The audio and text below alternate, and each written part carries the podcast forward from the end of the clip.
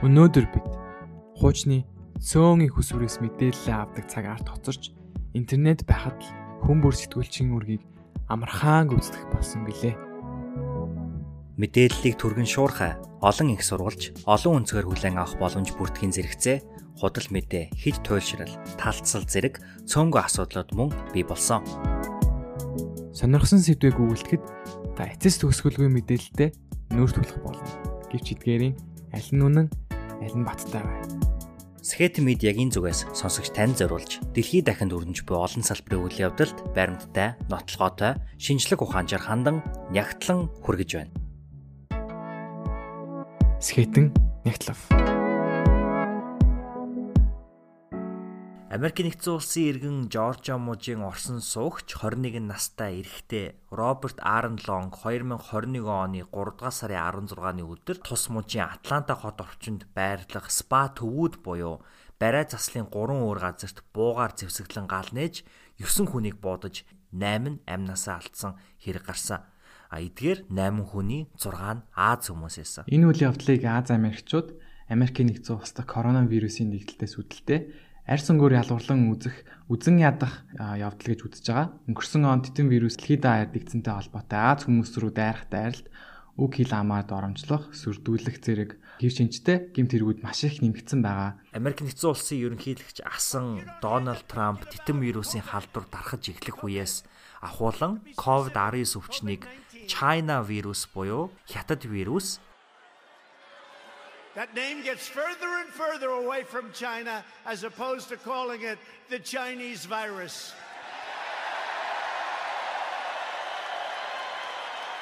А мөн Америкт үргэн танигдсан хятадын зодооны төрөл болох кунфутэй адилтхан кунг флу буюу хятад ханиад гэсэн утгаар тус тус нэрлэх болсон нь Америк улсад одоо Аз хүмүүсийг үзэн ядах үзлийг улам дэвэргэж өгсөн гэж бол одоо хэлж болно. Аз хүмүүс рүү дайрч тогтолсон гэмт хэргийн тоон Америкийн нэгдсэн улсад хотуудаар 2020 онд дунджаар 150%-аар бол нэмэгдсэн байгаа.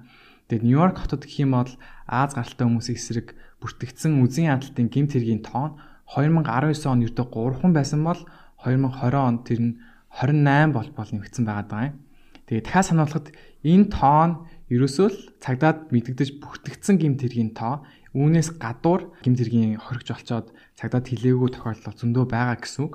Арьс өнгөөр ялгуурлаж үг хэл арамаар доромжлох, гудамжинд сүрдүүлэх, айлгах гэх мэт сэтгэлийн гимт хэрэг очруулах үйл явдлууд бол ихтэй цагдаад бүртгэдэггүй байгаа.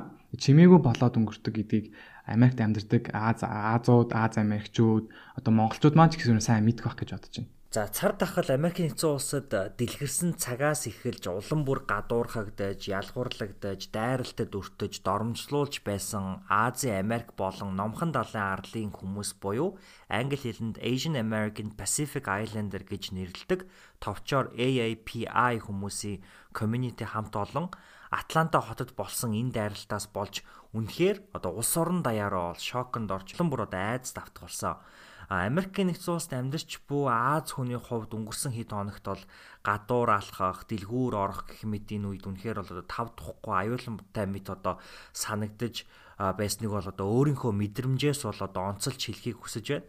За энэ мэдрэмж бол би эргээд бодох юм бол одоо энэ өнгөрсөн нэг жилийн хугацаанд гэхдээ нэг удаа биш нилээд олон удаа бол мэдрэгдсэн. За түрүүн дурс дурдсанчлан Дональд Трамп ерөнхийлөгч байсан үеэс ахуулан бол Азуудыг бол гадуурхах ялангуяа одоо Азуудыг бүгднгийн нэг нэг үндэстэн болгож доромжлох энэ хандлага бол маш их гарч исэн те.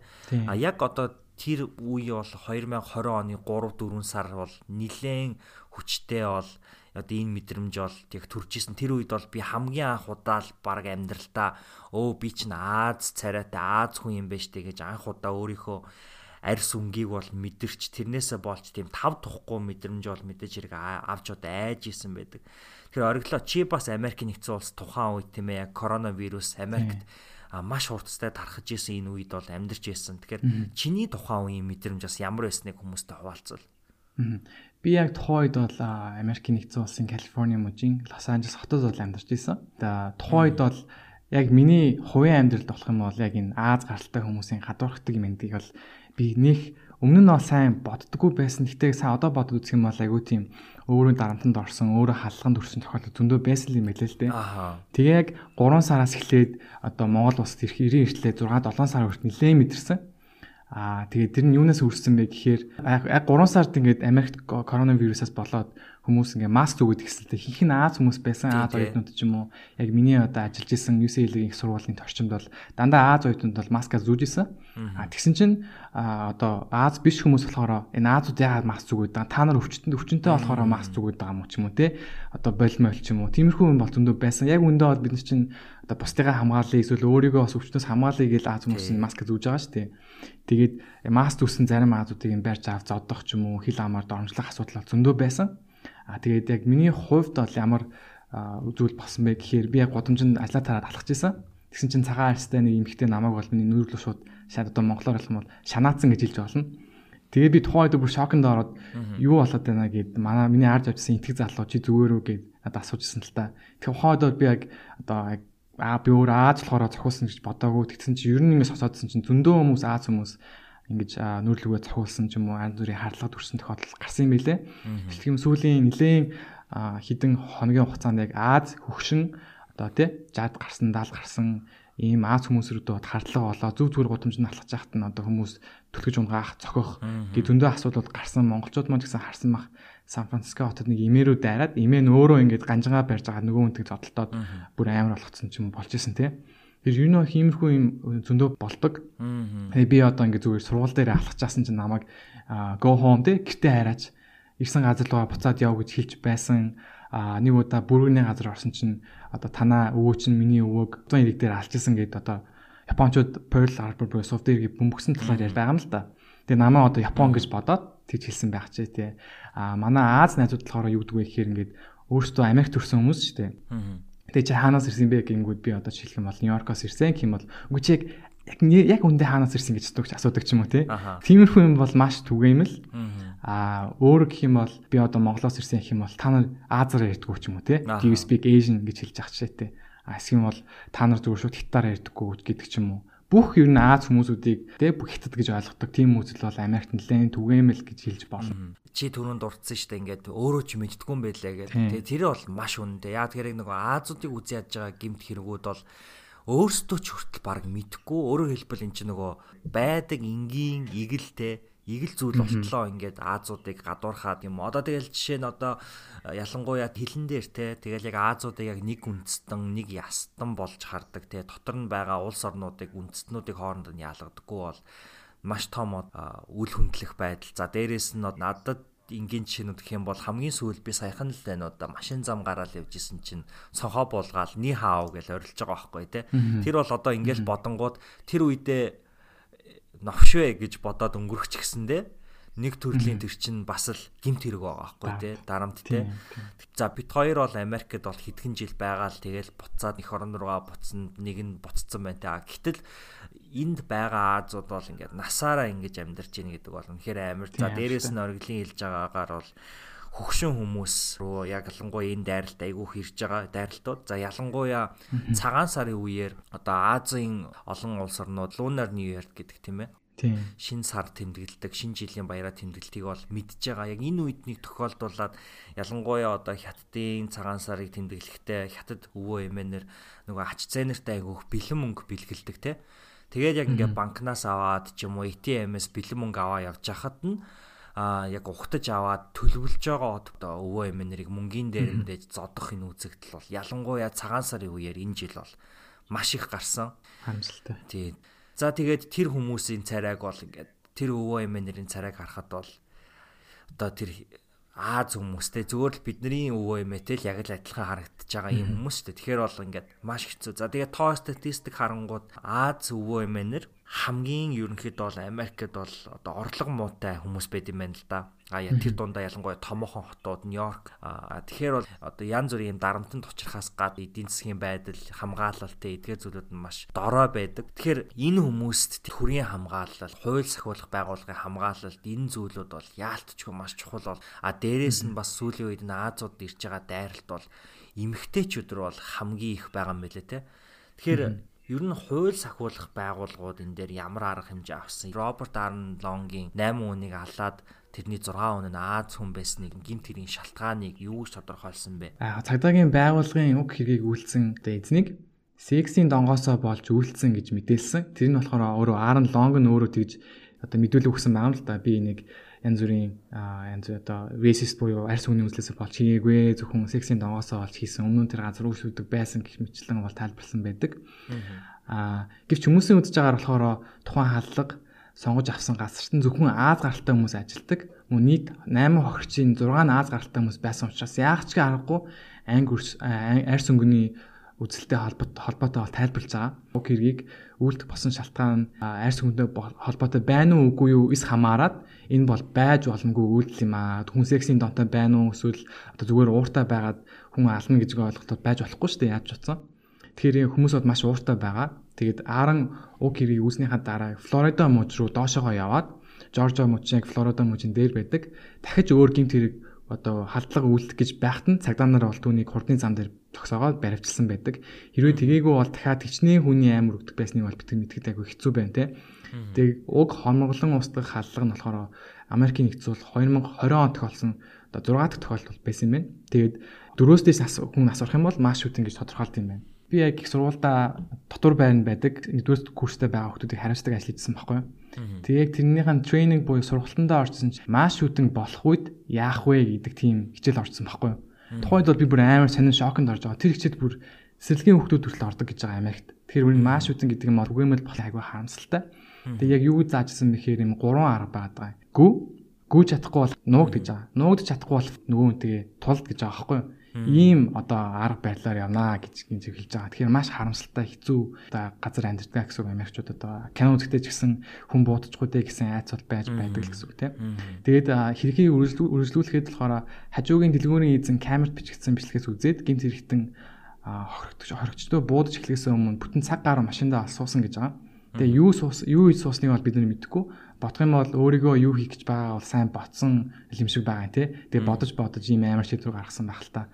Тэг мөн олон нийтийг маш их уурлуулсан үйл явдал нь юу байсан бэ гэхээр Хөлийн баг хурлын үеэр Тухагийн Ахмад J Бекер гэдэг хүн сэжигтний уг хэргийг үлдэх болсон шалтгааныг нь тайлбарлахдаа He was pretty much fed up and kind of at the end of his rope and yesterday was a really bad day for him and this is what he did. Тэр маш их төвчээр алдаж залхсан байсан. Түүнийг маш их таагүй өдөр байсан учраас ийм зүйл хийж гişиг боллоо гэж хэлсэн бол айгүй тийм А ялангуяа Аз хүмүүсийг бол маш их бухимдуулж уурлуулсан үйл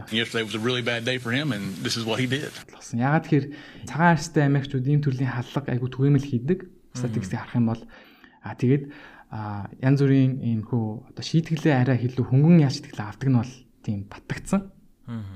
Тэгээ хүмүүсийн асууж байгаагаар болохоор хэрвээ хар арьстай хүн ч юм уус өөр нийгмийн цөөнх одоо арьсны өнгөтэй хүн байсан бол энэ цагдаагийн Ахмадын хэлэх үг нь ямар байх байсан болоо гэж бол асууж байгаа юм л та энэ асуудлаас болоод хамгийн их яригдж байгаа нэг сэдв бол одоо яагаад тэр спанууд дээр те тэр барай заслын газрууд дээр очиод дайралтыг хийчвэ гэдэг дээр энэ гинт хэрэгтэй Аарон Лонг тайлбарндаа юу гэж хэлсэн байсан гэхээр ерөнхийдөө бол сексийн донтой а тэгээд өөрийнхөө сексийн донг хөдөлгөөд байдаг зүйл нь болохоор энэ одоо массажны газрууд. Тийм учраас өөрийнхөө одоо тэр донг нь хөдлөгдөг тэр газраа устгаад тэр донгоосоо одоо ангижрах ч гэдэг юм уу те тиймэрхүү утгатай тайлбар өгсөн байсан гэдэг гэсэн. А энээс болж одоо Америк даяар одоо эмгхтэй хүмүүсийг тэр дундаа Аз эмгхтэй хүмүүсийг хүн биш болгох те эд зүйл болж хэрэглүүр төдий харьцах те хүнийг хүн биш болгож дордуулж харьцаж байна. За энэ дордуулж харьцаж байгаа дээр нь энэ цагдаагийн Ахмад J Baker гэдэг хүний энэ тайлбар бол те гал дээр дард нэмнэ гэсэн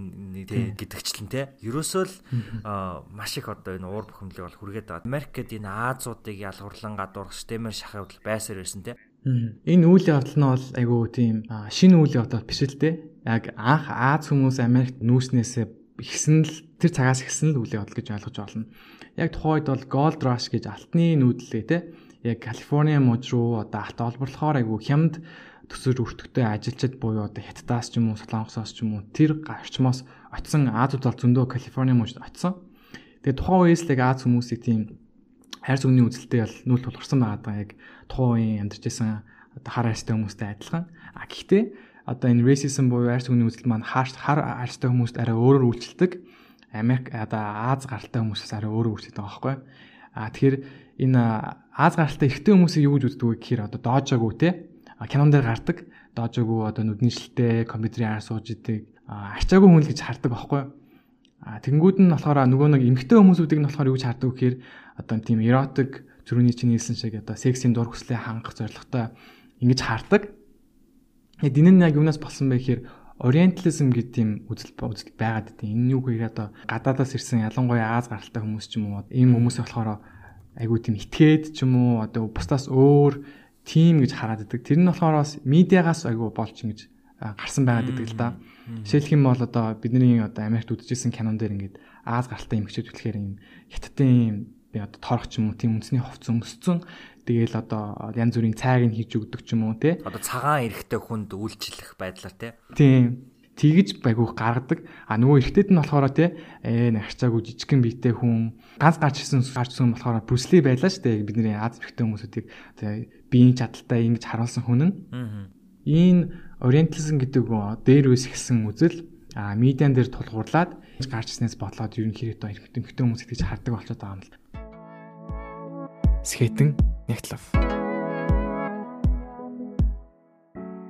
Хоригж болсон хүмүүсүүдийг яг ямар хүмүүс байсан бэ гэдгийг бас сонсогчдоо хэлж өгвөл. Тэлгүй яах вэ? Тэгэхээр түрүүнийхээ одоо хэлсэн санаан дээрээс дөрвөлөд энэ аллах дүрцэн одоо энэ гимт хэрэгт дүрцэн хохирогчд бол хүмүүс юм аа байн байн хүмүүст хэлэх хэрэгтэй. Тийм учраас бол хохирогч болсон 9 хүний нэрийг бол дурдъя гэж бодож байна. Тэгэхээр хүмүүсийн нэрийг дурдахдаа нэрийг нь одоо буруу дуудах магадлал бол өндөр. Тийм учраас тэрийг бас анхаарна уу гэж та бүхэндээ хүсэж бас одоо хүлцэл өчье.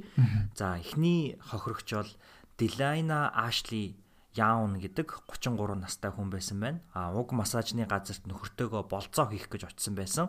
Түүний нөхөр өөр өрөөнд байсан учраас нуугдаж, амьд үлдэж чадсан ч харамсалтай нь эхнэр нь бол амархцэн. Тэд гэрлээд 8 жил болсон байсан. 8 сартай охинтой байжээ.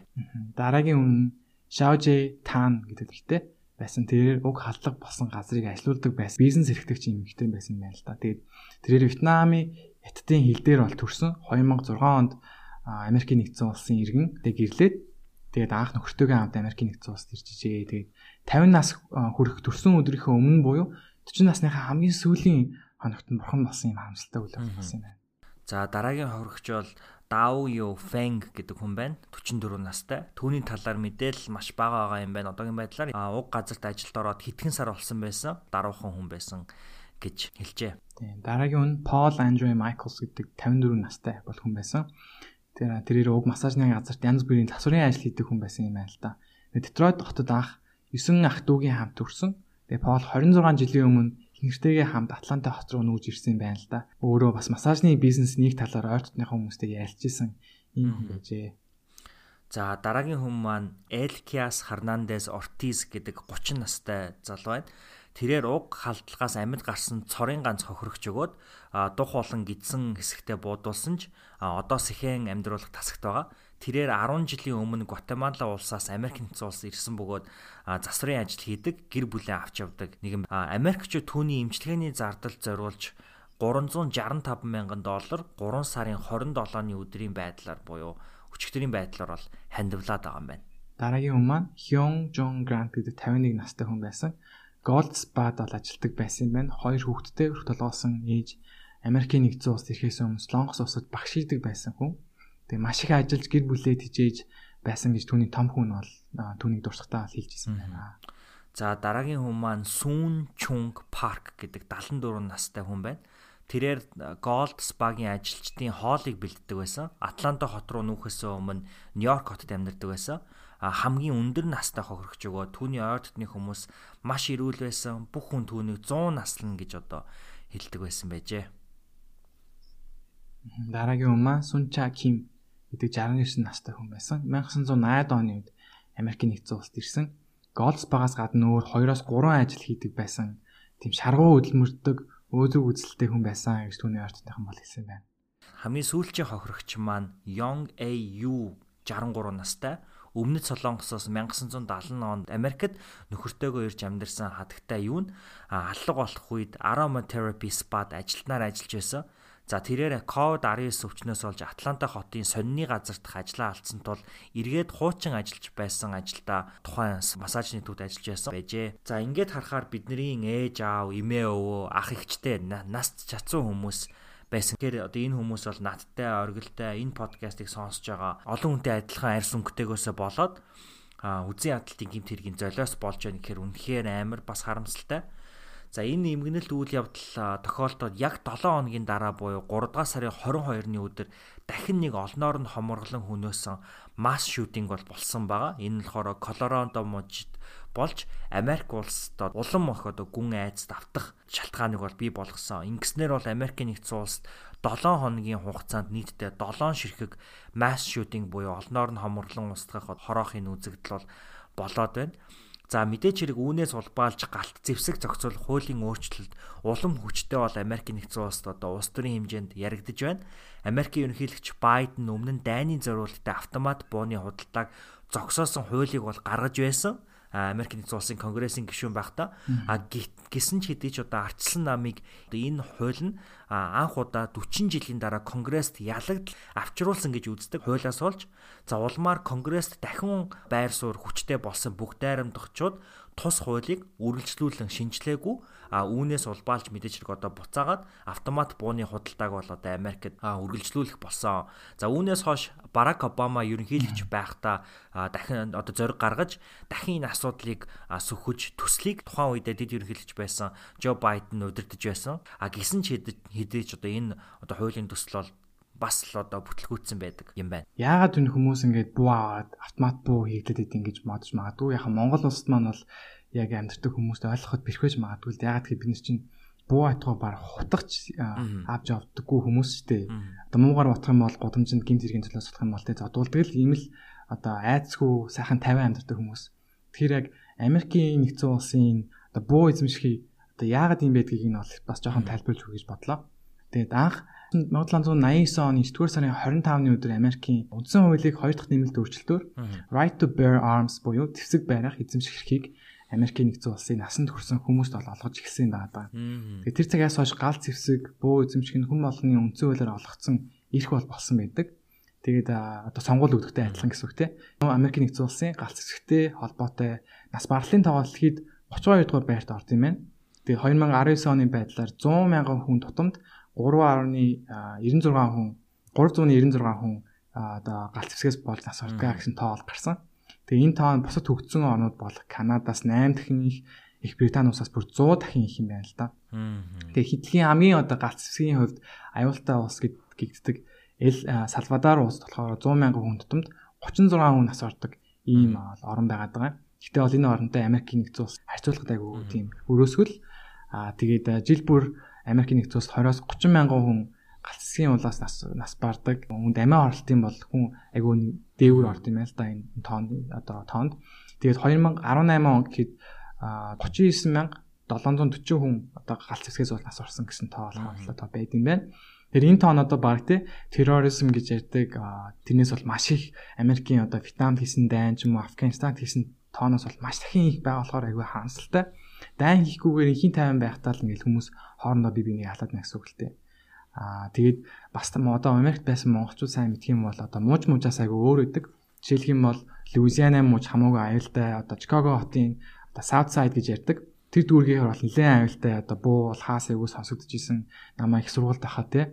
Аа одоо манай хажуудлын байрны хүмүүс одоо буудалж исэн чинь мөн бол айгүй тийм түгээмэл асуудал болцсон болохоор тэнд амьдардаг хүмүүс тийм дүжирсэн. Одоо монголчууд болохоор айгүй ойлгоход хэцүү байж магадгүй. Аа тэгээд Энэхүү одоо үндсэн хуулийн олгоцсон эрхийн талаар хоёр улс төрийн наам бол бэлгүүнийг хэлснээр айгу тийм маргалдаг. Мэдээж бүгд найрамдах наам одоо өнгөрч Дональд Трамп асан эрхлэгчийн наам болохоор бага аль болох одоо бага их мэдлэлтэй засгийн газрыг эрхэмлдэг учраас хүмүүсийн гаал зэвсгийн эзэмших эрхийг бол халтахыг хүсдэггүй.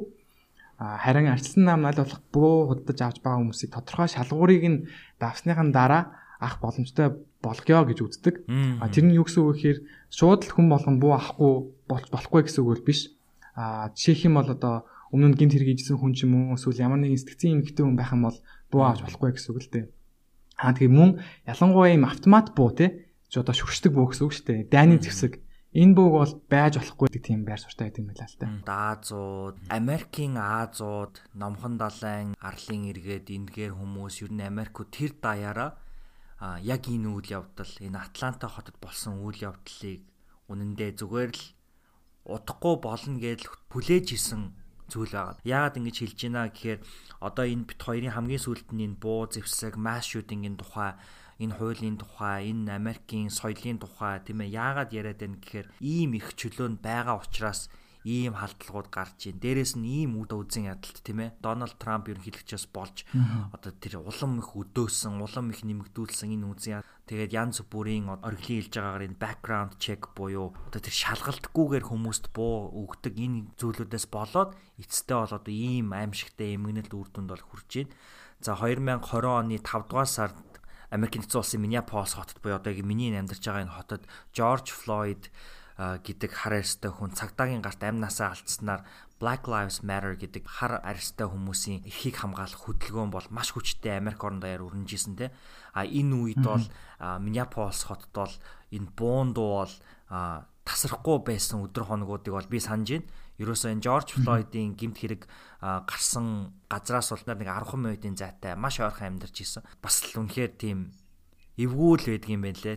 Нэг хол юм шиг те Монгол хүмүүс нэг хамаагүй юм шиг санагдаж байгаа. Бид нар бол Америкт ирж сурдаг, ажилдаг. Зөвхөн Америк гэхгүй барууны орнууд тийм ээ. Австрал, Канад, Их Британь, Европ гэдэг орлон орнуудаар бол одоо бид нар бол очиж амьдардаг. Бид нар бол гадаадд очисон хойноо бид нарыг хятад байна уу, Монгол байна уу ялахгүй Аз л гэж харна.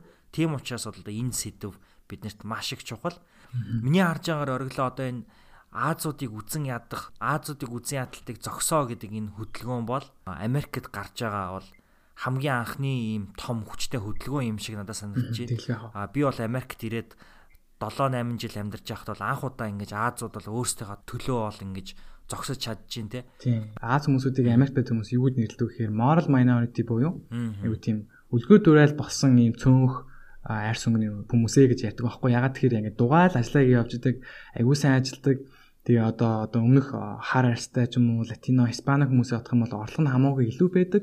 Тэгээ дандаа л имж болдог, хуульч болдог, айгүй сайн амжилттай явдаг тийм хүмүүс, Аз хүмүүс Америкт хөвчлэн бид нэр ингээд тэр одоо юу бач болоо тийм айгүй дугаал байгаад байдаг юм айл да Аз хүмүүс янз бүрийн болжсэн ч гэсэн ял за за явах дээ гэл бос хүмүүс гэдэг юм бодох юм бол харин энэ удаа бол яалтчгүй хүмүүсийн төвчээр алдаад одоо уур хилэн ингээд гараад гарч ийн гэсэн үг л дээ. Тэгэхээр одоо Аз гаралтай айгүй тийм олон олонний танил хүмүүс Stop Asian Hate гэдэг хөдөлгөөнийг эхлүүлээд өөртөөгөө одоо түүхийг яриад би ингэжсэн тийжсэн энэ бол байж болсгүй юм аа гэд бусад хүмүүсүүдээ урайлаад а түүнчлэн бас өөр одоо тий одоо Барак Обама эхлэгч ч юм уу өөр нэр төртэй хүмүүс одоо NBA-ийн тоглогчд хүртэлтэй Stop Asian Hate гэдэг тийм бичгтэй бодволтыг хүртэл хүмүүс эхэлж байгаа нэг айгу тийм а цаашдаа энэ хүү үйл явдлыг багасгах тийм ихтэл тавигдж байгаа юм болов уу гэж би бол харж байна. Тийм манай монголчууд маань ч гэсэн те Америкийн нэгдсэн улс ч юм уу бусад өөр орнд очих юм бол төрөний бэлгүүнээ гэлсэн шиг одоо Монгол байна уу, Хятад байна уу, Солонгос байна хамаагүй адилхан л Аз гэж харагдана. Тийм учраас бас энэ хөө хөдөлгөөн нэгдээд босод Аз хүмүүсээ бас бити ялгуулсан гадуурхаж байгаарэ гэж би бас уриалмаар байна л та. Америкт ямар нэгэн газар айгүй тав тухгүй байгаа тохиолдолд өөр ямар нэг Аз хүний харах үед айгүй тийм сэтгэл тайвширдаг.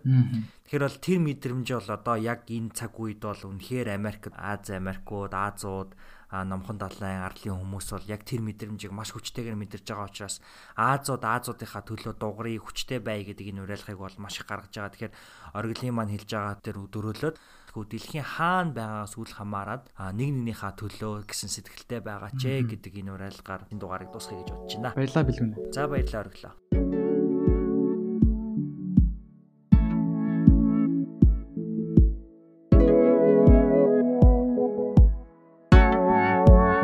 Та Сэхэт медиагийн Ягтлаг подкастыг хүлээн авч сонслоо. Энэ дугаарын мэдээг хөтлөгч Бэлгүн оргил нар нягтлж саунд инженер дээр буяа ажиллав.